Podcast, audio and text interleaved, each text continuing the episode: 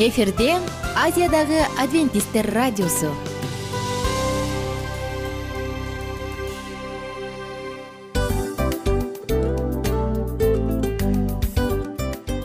Достор салют. Баардык сүйүктүү угармандарыбызга салам айтабыз. Кутман күнүңүздөр менен. Ден соолук өмүрдүн булагы демекчи саламат саамы программасында баарыңыздарды көргөнүбүзгө абдан кубанычтабыз. Анда алгач амандашып өтөлү арбаңыздар деп. Ден соолугуңуздар кандай элибизде көбүнчө ден соолук кандай дегенде эле жакшы деп жооп беребиз э ооруп турсак дагы жакшы дейбиз. Анан мен муну айтып ойлойт элем бул абдан сонун сөз депчи анткени бул жакшы деген үмүт да э ооба баары жакшы болот баары сонун. Деп үмүттөнүп атып эле өзүбүздү өзүбүз дарылап коебуз. Анысы кандай сиздин дагы ден соолугуңуз жакшы беш деген үмүттөбүз чындыгында ден соолук бул өмүрдүн булагы деп бекеринен айтылган эмес деп ойлойм. Кыргыз элинде анткени эгерде ден соолук жок болсо анда адамдын жашоосунда калган баардык керектүү маңыздуу нерселер өзүнүн баалуулугун жоготуп коет. Ошондуктан ден соолук бул эң керектүү нерсе. Ооба туура айтасың кесиптешим. Чынында ден соолугуң жок бир эки үч күн ооруп калсаң эле э кандай болуп калат? Жашоодо көз каранды болуп каласың көп нерсеге жетишпей каласың көп нерсени кыла албай каласың жада калса эшикке дүкөнгө да чыга албай каласың. Туптуура анан ден соолук болсо демек биз биздин бактыбыз тотой деп койсок болот. Анда достор саламат саамы рубрикабызды баштайлы. Алдыда өзүңүзгө керектүү болгон сонун кеңештерди уга аласыздар. Мына ошондуктан биз менен бирге болуңуздар. Ал эми биз болсо милан жана айнура. Кеттик алга. Алга саламат саама ден соолуктун жарчысы. Саламат саама ден соолуктун ачкычы. Күн сайын сиз үчүн мыкты кеңештер сонун жаңылыктар кызыктуу фактылар биздин рубрикада.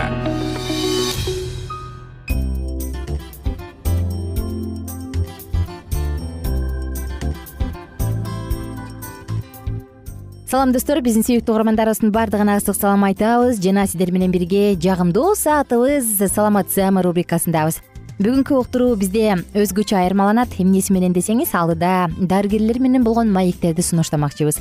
Сөзсүз түрдө достор адамдын ден соолугу биринчи байлык. Муну ар бирибиз билебиз. Адам өзүнүн ден соолугу үчүн баардыгын кылат. Анан тилекке каршы ден соолуктан айрылган учурда колунан эч нерсе келбейт экенин түшүнүп ах айттың ай деп баш бармагын тиштейт э? Муну көбүнчө ата апаларыбыз чоң ата чоң энелерибиз ай балам жаш кезде ден соолукту карма бутуңа жылуураак кий деп мага көп айтышчу эле да ушинтип менин чоң ата чоң энелерим. Башыңда жылуу кийин кышында жылаңбаш жүрбө үшүп каласың. Ай кызым жуунуп алып эшикке чыкпа деген сыяктуу көп кеңештерин айтчу эле. Албетте биз булардын көбүн кулагыбыздын сыртынан кетирип коебуз бирок чындыгында кенедей кезибизден баштап ден соолукка туура кам көрүп туура тамактана турган болсок анда канчалы деген оорулуу коркунучтуу оорулардан алыс оолак болобуз. Жана албетте иштеп тапкан акчабыз дары дармек эмес а өзүбүзгө өзүбүздүн жеке муктаждыктарыбызга жумшалат ошондуктан достор мен каалайт элем ар бир угарманыбыз жашоодо туура тандоолорду жасап ден соолугунун камын көрүп жүрөгүндө тынчтыкты сактап стресс депрессиядан ашыкча тынчсыздануудан алыс болуп көп нерсени жаратканга ишенип тапшырып коюп жашоодо мындай бактылуу күндөрдө жыргалчылыкта жашаса деген үмүтүм бар алдыда биз сиздер менен дарыгерлер менен болгон маектерди сунуштайбыз сиздерге. Жана сөзсүз түрдө бул уктурууларды уккан соң өзүңүзгө тыянак чыгарып мүмкүн ден соолукта кайсы бир жерине ремонт жасап э баягы тамашалап айтканда кайсы бир жерине көңүл буруп кайсы бир жери кыйкырып жаткан болсо мага көңүл бур деп ага көңүл буруп коюу абдан зарыл ошондуктан каалайт элем достор оорубаңыздар өзүңүздөрдүн саламаттыгыңыздарга кам көрүңүздөр деп жана сөзсүз түрдө өзүңүздөрдү сүйүңүздөр деп анда алдыда сиздер үчүн жагымдуу маек жана сонун сонун маалыматтар. Булардын баардыгы сиздер үчүн.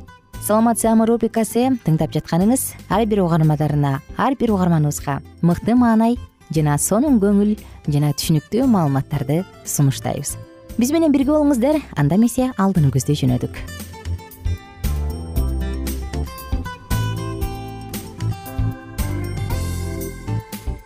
саламатсыздарбы биздин сүйүктүү угармандар көрөрмандар жалпыңыздар менен кайрадан дагы бир жагымдуу видеону баштаганыбызга кубанычтабыз. Жана албетте биз жогоруда айта кеткендей эле саламат клуб сайтында негизи эле биздин ютуб каналдарыбызда элибиздин саламаттыгына кам көрүп анан сөзсүз түрдө угармандарыбыздан көрөрмандарыбыздан келген суроолорго токтолууну чечтик. Биздин төрүбүздө коногубуз бар анда төрүбүздөгү конокту тааныштыра кетсем бүгүн эне жана баланы коргоо улуттук борборунун педиатр аллергологу туратбекова калия туратбековна конокто. Саламатсызбы саламатчылык дароо эле сизге рахмат айтам. Убактыңызды бөлүп келип бергениңиз үчүн жана таанышканыма кубанычтамын. Сизге дагы рахмат. Анан негизи эле педиатр аллерголог болгондо бул кичинекей балдар кээде сүйлөй албайт эмнеси ооруп атканын айтпайт бирок кыйын жумуш го мына ошондуктан сиздин эмгегиңизге таазим кылгым келет. Башында эле эфирибиздин жана бизде буга чейин ютуб каналдарында угармандардан суроолор келген. Анан биз кайрадан баягы жооп бериш үчүн сизди төрүбүзгө чакырып ушундай жооп алалы дедик. Биринчи эле суроо угармандарыбыздан көрөрмандарыбыздан келген бул мындай болгон. Саламатсызбы? дейт. Баланын ичи өтүп жатса ич өткөктү үй шартында кантип дарыласа болот жана кандай дарыларды ичүүгө мүмкүн. Негизи эле ич өткөнүктү ошол элдик ыкмалар менен дарыласа болобу деген суроо келген. Саламатчылык дагы бир жолу сурооңузга рахмат айтып кетерим э, негизи э, көбүнчө балдар көбүнчө балдар бир жашка чейин э, аябай неме ич өткөк ооруларга аябай жакын болушат да. Биринчи себеби бул эмне?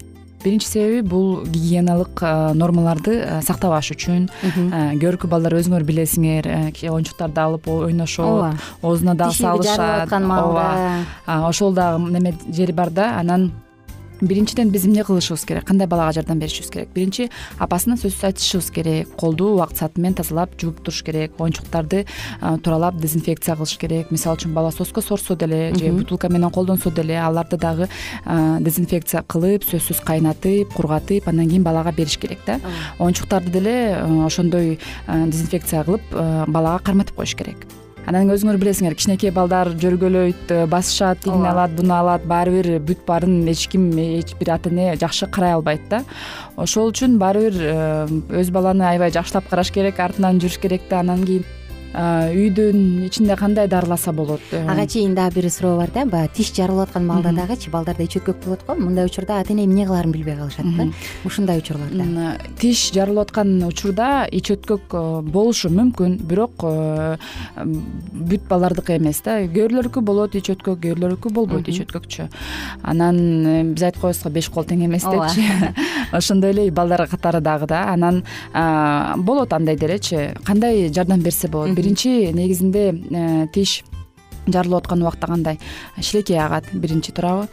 Шилекей агып атканда дагы сөзсүз э, педиатрга кайрылып туруп көрсөтүп коюш керек. Педиатр осмотр кылып карап айтыш керек да өзүнүн э, тиши кандай жарылып атыптыр эмне болуп атканын. Анын азырынча көбүнчө майздар дагы бар тишке колдоно турган. Тишти тиш жарылып аткан учурда мындай жумшарткан. Анан ошо айтып кеттим. Биринчиден баары бир колду дагы тазалап жууш керек.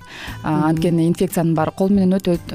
Анан кийин үйдүн ичинде кандай жардам берсе болот? Бул ошол биринчи гигиенаны сактоо экинчиден сөзсүз баарын дезинфекция кылыш керек. Үчүнчүдөн ич өткөктөн бул бир маалда мисалы үчүн бир күндүн ичинде ичи канча жолу өтүп атат бул сөзсүз аябай мындай маанилүү нерсе да. Анткени кичинекей балдар мындай орусча айтып кеткенде обезвоживание деген бар. Ошого аябай жакын э, жакын болот да. Ошол үчүн обезвоживанияга баланы алып келбеш үчүн э, сөзсүз баары бир педиатрга кайрылыш керек. Үйдүн үйдө кандай дарыласа болот бул биринчиден гигиенаны сактоо экинчиден азырынча э, диетаны кармап койсо болот да. Мисалы үчүн токтун этин сүттү ичпеш керек жумуртканы анан кийин жана краситель кошулган тамактарды дагы азайтып коюш керек да. Биринчиден ушундай болот да. Жакшы. Биздин убактыбыз соңуна келип калды. Мен угармандарыбызга кайрылгым келип турат. Эгерде сизде кандайдыр бир суроолор бар болсо ден соолукка байланыштуу сөзсүз түрдө ютуб каналынан бизге комментарий калтырыңыздар. Кийинки көрүүлөрдө буюрса жооп бергенге аракет кылабыз.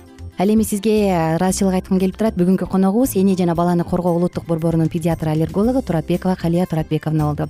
Кандай гана нерсе болбосун оорунун симптому эмес анын тамырын дарылаш керек деп коет эмеспи. Анысы кандай? Балдарыбыз оорубасын сиздер менен кайрадан амандашканча сак саламатта туруңуздар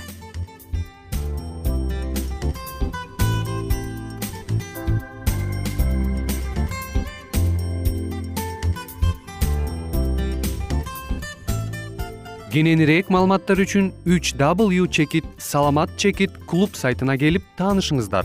Жана андан тышкары социалдык тармактарда youtube facebook жана instagram баракчаларына катталыңыз. Саламат саама ден соолуктун жарчысы. Саламат саама ден соолуктун ачкычы. Күн сайын сиз үчүн мыкты кеңештер сонун жаңылыктар кызыктуу фактылар биздин рубрикада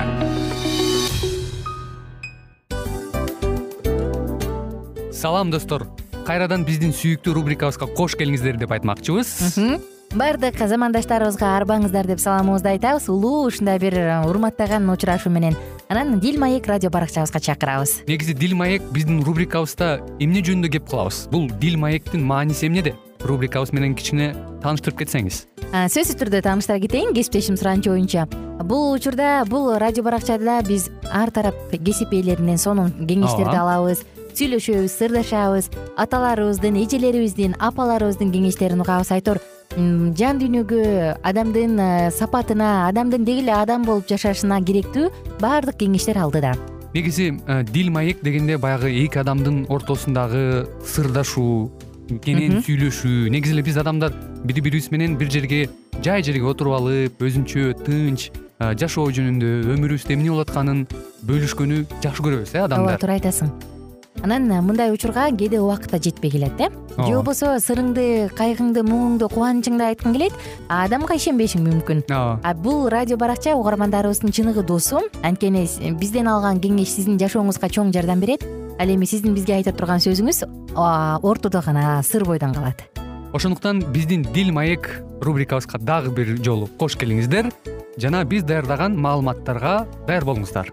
Айнура жана милан сиздер менен бирге алдыга кеттик ар түрдүү ардактуу кесип ээлеринен алтын сөздөр жүрөк ачышкан сыр чачышкан сонун маек дил маек рубрикасында.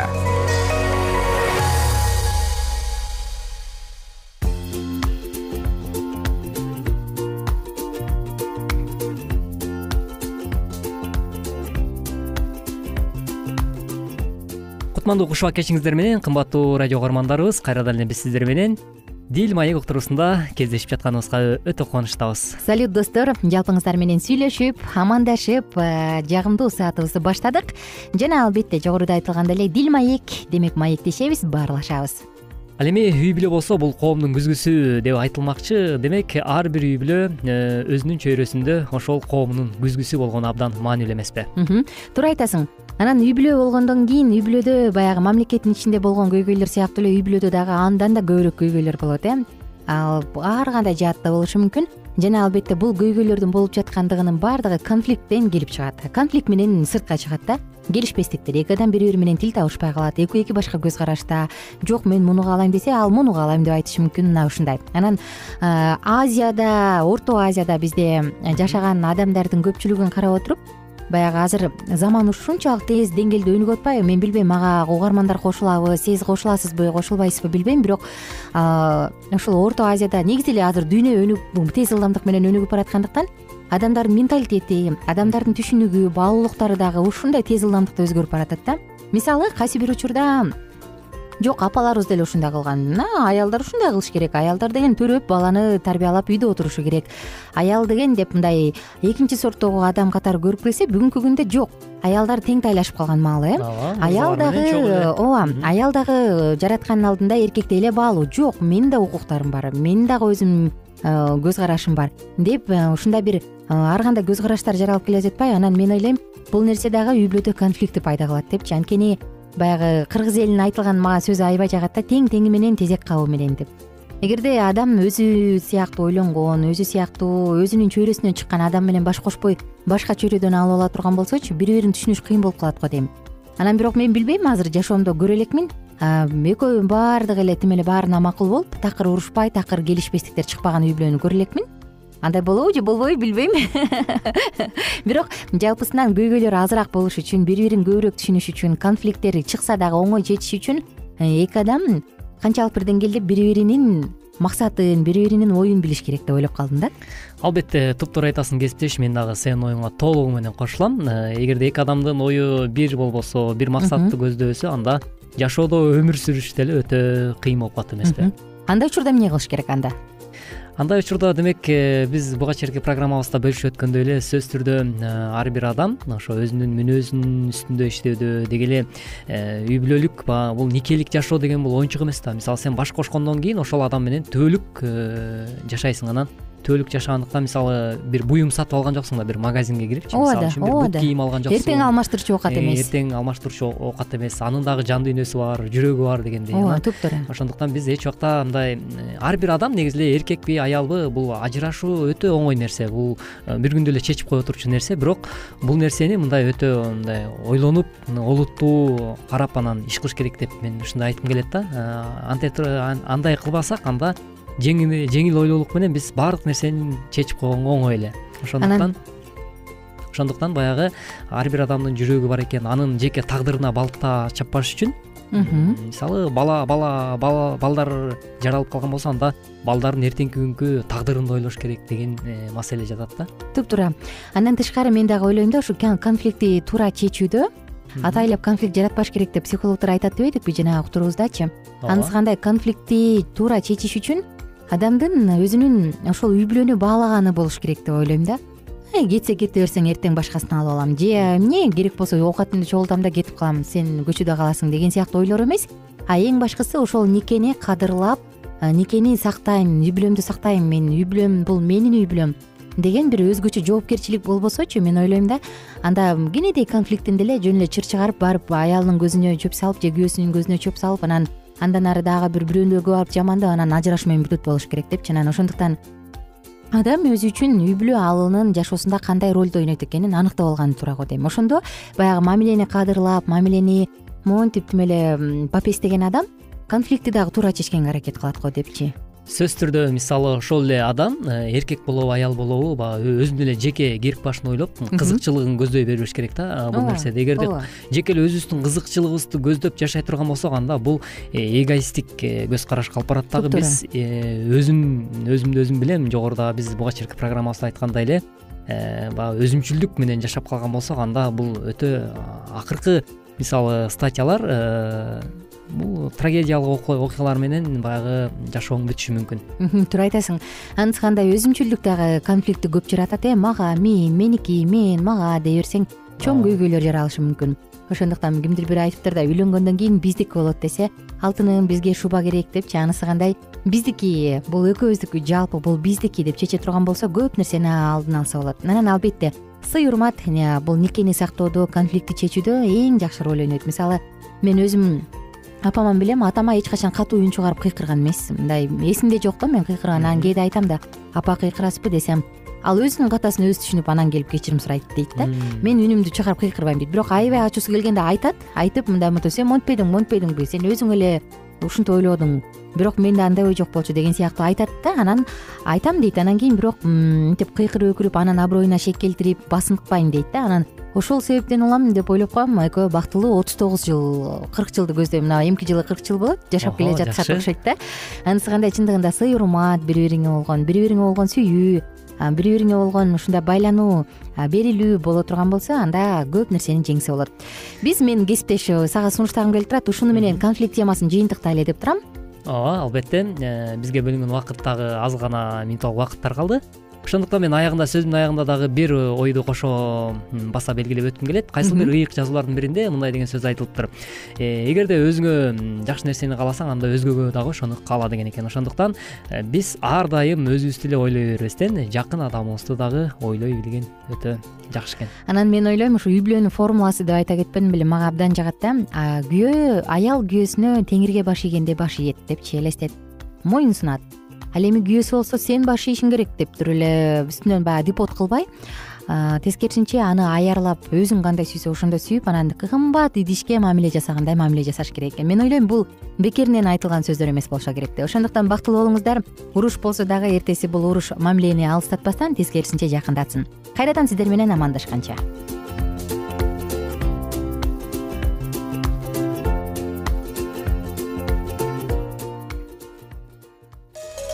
ар түрдүү ардактуу кесип ээлеринен. Алтын сөздөр жүрөк ачышкан сыр чачышкан сонун маек. Бил маек рубрикасында.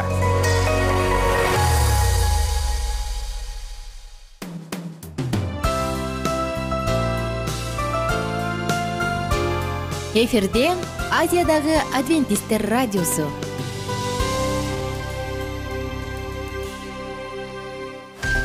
жан дүйнөңдү байыткан жүрөгүңдү азыктанткан жашооңо маңыз тартуулаган жан азык рубрикасы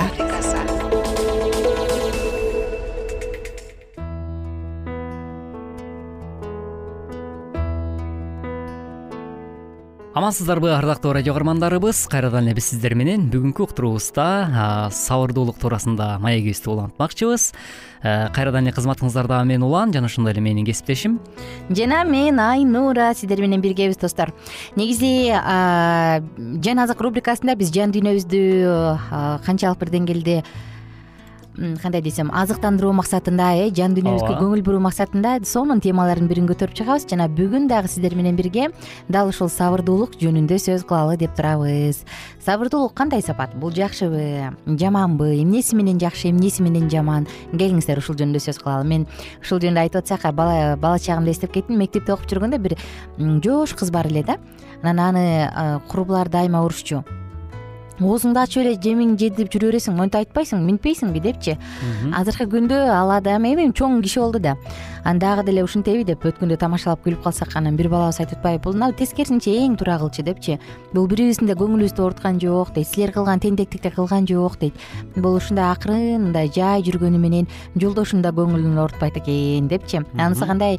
Кичинекей кезибизде биз оозун ачкан жемин жедирген деп айтышыбыз мүмкүн а бирок жашоодо бул керектүү сапаттардын бири э? Ооба чындап эле.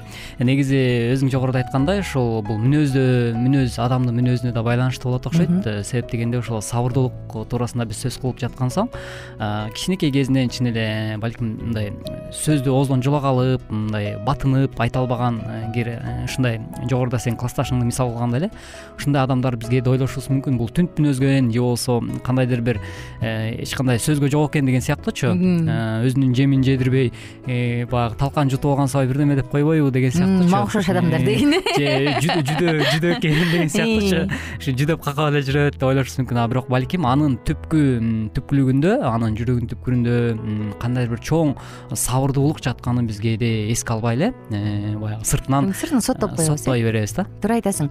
Анан табиятынан сабырдуу адамдар бар э кичинекейинен эле өзү эле ушундай токтуу адамдар бар. Анан бирок э, сабырдуулук бул рухтун жемиши деп коебуз го бизчи жакшы руханий жашоонун байлыгы же жемиши деп коебуз да эмеспизби э? Анан ошондой да болушу керек экен да. Мисалы сабыр сабыры жок адам сабыры жок мындай сабырсыз адам эле бир күнү сабырдуу болуш керек да. Мага бир байкенин айтып берген абдан жаккан ал мындай дейт өзүн насааттап жатып. Адам мисалы биз дайыма машыгууда жүрөбүз дейт да. Биз өзүбүз аны байкабайбыз бирок дайыма машыгабыз дейт. Мисалы дейт азыр бул адам келгенде минтип айтпасам муну муну кылбасам деп машыгабыз дейт. Үйгө барганда муну муну кылбасак деп машыгабыз дейт. Оюбузда дайыма машыгып жүрөбүз дейт да. Же болбосо кимдир бирөө жөнүндө жаман сөз угуп калганда же ачуубуз келгенде азыр тур жумуштан келсинчи анан мен аны эшиктен кирери менен урушпасам тур деп айымдар алдын ала машыгат дейт да. Сөз даярдап машыгат дейт. Анан качан ошол адам менен жолугушуу болгондо биздин машыгуубуз иш жүзүнө ашып күрөшөбүз дейт да. Анысы кандай сабырдуулукта деле биз мындай машыгат болушубуз керек да. Ал нерсеге үйрөнүпчү биринчи кезекте кыйкырып эмоцияга калтырып өкүнөсүң эки өкүнөсүң үч өкүнөсүң анан мындайын антпейм деп күрөшүп күрөшүп отуруп анан акырындык менен бул сапатка ээ болсо болот болуш керек деп ойлойм. Бирок мен өзүм деле мисалы мени өзүмдү сабырдуу адамдардын катарына кирем деп айта албайм мен. Анткени идеалдуу сабырдуулукта мен аалда канча алысмын да абдан бирок сабырдуу адамдарды көрүп алып таң калам. Ушул жөнүндө айтчы мен дагы кесиптешим сенден сурайын деп атам эле. Негизи сабырдуулук жаатында сен кандайсың? Мен кырдаалга жараша да көбүнчөчү. Кээ бир жерде мисалы жок унчукпай эле коеюн эртең бул адам түшүнөт дешим мүмкүн. Кээ бир жерден айтышып ачуу жерде айтып ийем кээде ачуум келип кетет тез анан өзгөчө мисалы бирок жакын адамдарыма келгенде көңүлүн ооруто албайынчы деп аракет кылам да кой көңүлүн албайын жаман ойлоп калбасын ичи ооруп калбасын андан көрө мейли баарынысы эртең өзү түшүнөт дейм. Бирок баары бир деле мен өзүмдү сабырдуу адамдардын катарына кошо албайм да мындай элдердин көбү сен аябай сабырдуусуң аябай мындай спокойный деп коет го тынчсың дейт. Бирок жолдошумду көргөндөн кийин мен экөөбүз асман менен жер болуп калабыз да. Абдан жакшы. Чындап эле баягы ачык айрым болуп ачык жооп бергениң үчүн анан экөөбүз бул жагынан окшош экенбиз да. Элестет э. Эки сабырсыз адам үй бүлө куруп калса билбейм анда кандай болот? Анткени үй бүлөнү курганда байкасаң көптөрү бирөөсү аябай сабырдуу токтоо болот. Экинчиси тескерисинче эмоционалдуу шаара бура мындай шаар кеткен адам болот го. Мен ойлойм кээде ушул бул дагы бекерден эмес болуш керек депчи. Эки адам эки такыр башка бири биринен үйрөнүш үчүнбү же эмне себептен ушундай болот. Анан мен апам көп айтып калат э, турмушка чыга электе мен аябай ачык болчумун дейт. Анан турмушка чыккандан кийин аябай сабырдуу болуп мындай токтоо болуп калдым токтолдум деп айтып калат да. Атам тескерисинче жаш кезинде аябай токтоо болчу экен. Азыр болсо ал аябай ачык киши да. Анан же жашоо өзгөрттүбү же экөө бири бирин тарбияладыбы түшүнүксүз. Бирок адам өзгөрөт экен ооба. Мына ушундай. Сөзсүз түрдө э, чындап эле жогоруда өзүң айтып өткөндөй баягы э, үй бүлөлүк жаатта ушул үй бүлөлөргө көптөгөн китептерди психологиялык жактан баягы үй бүлөдө аял менен эркектин мамилеси кандай болуш керек деген жаатта америкалык бир семейный психолог деп койсок болот ошол адам э, китеп жазганда анан бир жерге кыстырма катары э, жакшынакай бир оюн билгизип кеткен экен да. Үй бүлөдө аял эркек э, негизи баягы бирөө тормуз боло турган болсо бирөө газ болуш керек деп бир салыштыруу балдары сцепление болот. Салыштыруу иретинде айткан экен да. Чындап эле эки адам тең аябай эле шайдоот кээде ушундай болот го тилекке каршы. Кээ бирде экөө тең эле түнт болсо дагы бул болбой калат болуш керек менимче ошондуктан экөөңдеги сүйлөшөсүңбү деп сурап калат да анда четтегилер ошондуктан газ тормуз болуп турганда эмче жакшы го дейм анан негизи эле сабырдуулук дегенде көпчүлүк адамдар мен ойлойм да эми бул менин жеке оюм аябай эле мындай жоош унчукпаган анда санда бир сүйлөп олуттуу сүйлөгөн адамдарды элестетет го. Бирок мен ойлойм да бул сабырдуулук эмес болуш керек депчи ооба бул да бир сабырдуулуктун бир көрүнүшү бирок бул мындай идеалдуу сабырдуулуктан ал да канча алыс болуш керек. Мисалы ай мисалы дейин деп мисал келтирейин десем убактыбыз аз эле калыптыр. Бул тууралуу кийинкиде уланта алайын негизи чыныгы сабырдуулук кандай болот мисалы кайсы адамды биз ооба бул чын эле сабырдуу деп айта алабыз. Мына ушул тууралуу да сөз кылсак болот. Азырынча болсо туура кырк мүнөттөн кийин биз секундтан кийин угармандарыбыз менен коштошот экенбиз. Ооба урматтуу угармандар ал эми сиздер болсо ушул жашооңуздарда ар дайым э, сабырдуулук жаатына умтулуп э, жүрөгүңүздөр ар дайым ак жана багытыңыздар түз болсун деген тилек менен бүгүнкү уктуруубузду дагы жыйынтыктаганга убакыт мезгили келип жетти. Себеп дегенде убакыт ушунчалык учкан куш экен. Анан мен ойлоп атам угармандар мүмкүн э, биздин кийинки жолугушуубузга чейин арасынан ким сабырдуу э? Өзү кайсы учурда сабырдуулукту көргөзө алат ушул тууралуу ойлонуп турса жакшы болот болуш керек. Ооба сөзсүз түрдө. Анда достор жалпыңыздарга көңүлдүү күн бүгүнкү күнүңүздөр ийгиликтүү жемиштүү жеңиштүү болсун. Кайрадан амандашканча сак саламатта туруңуздар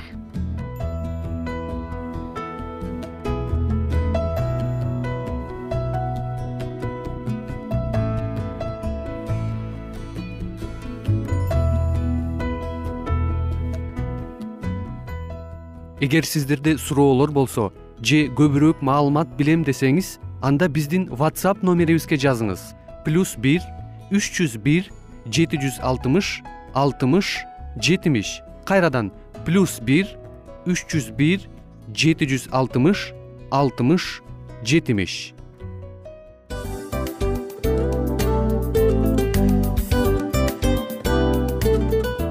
ушул менен достор программабыздын уктуруубуздун эң кайгылуу мөөнөтүнө келип жеттик.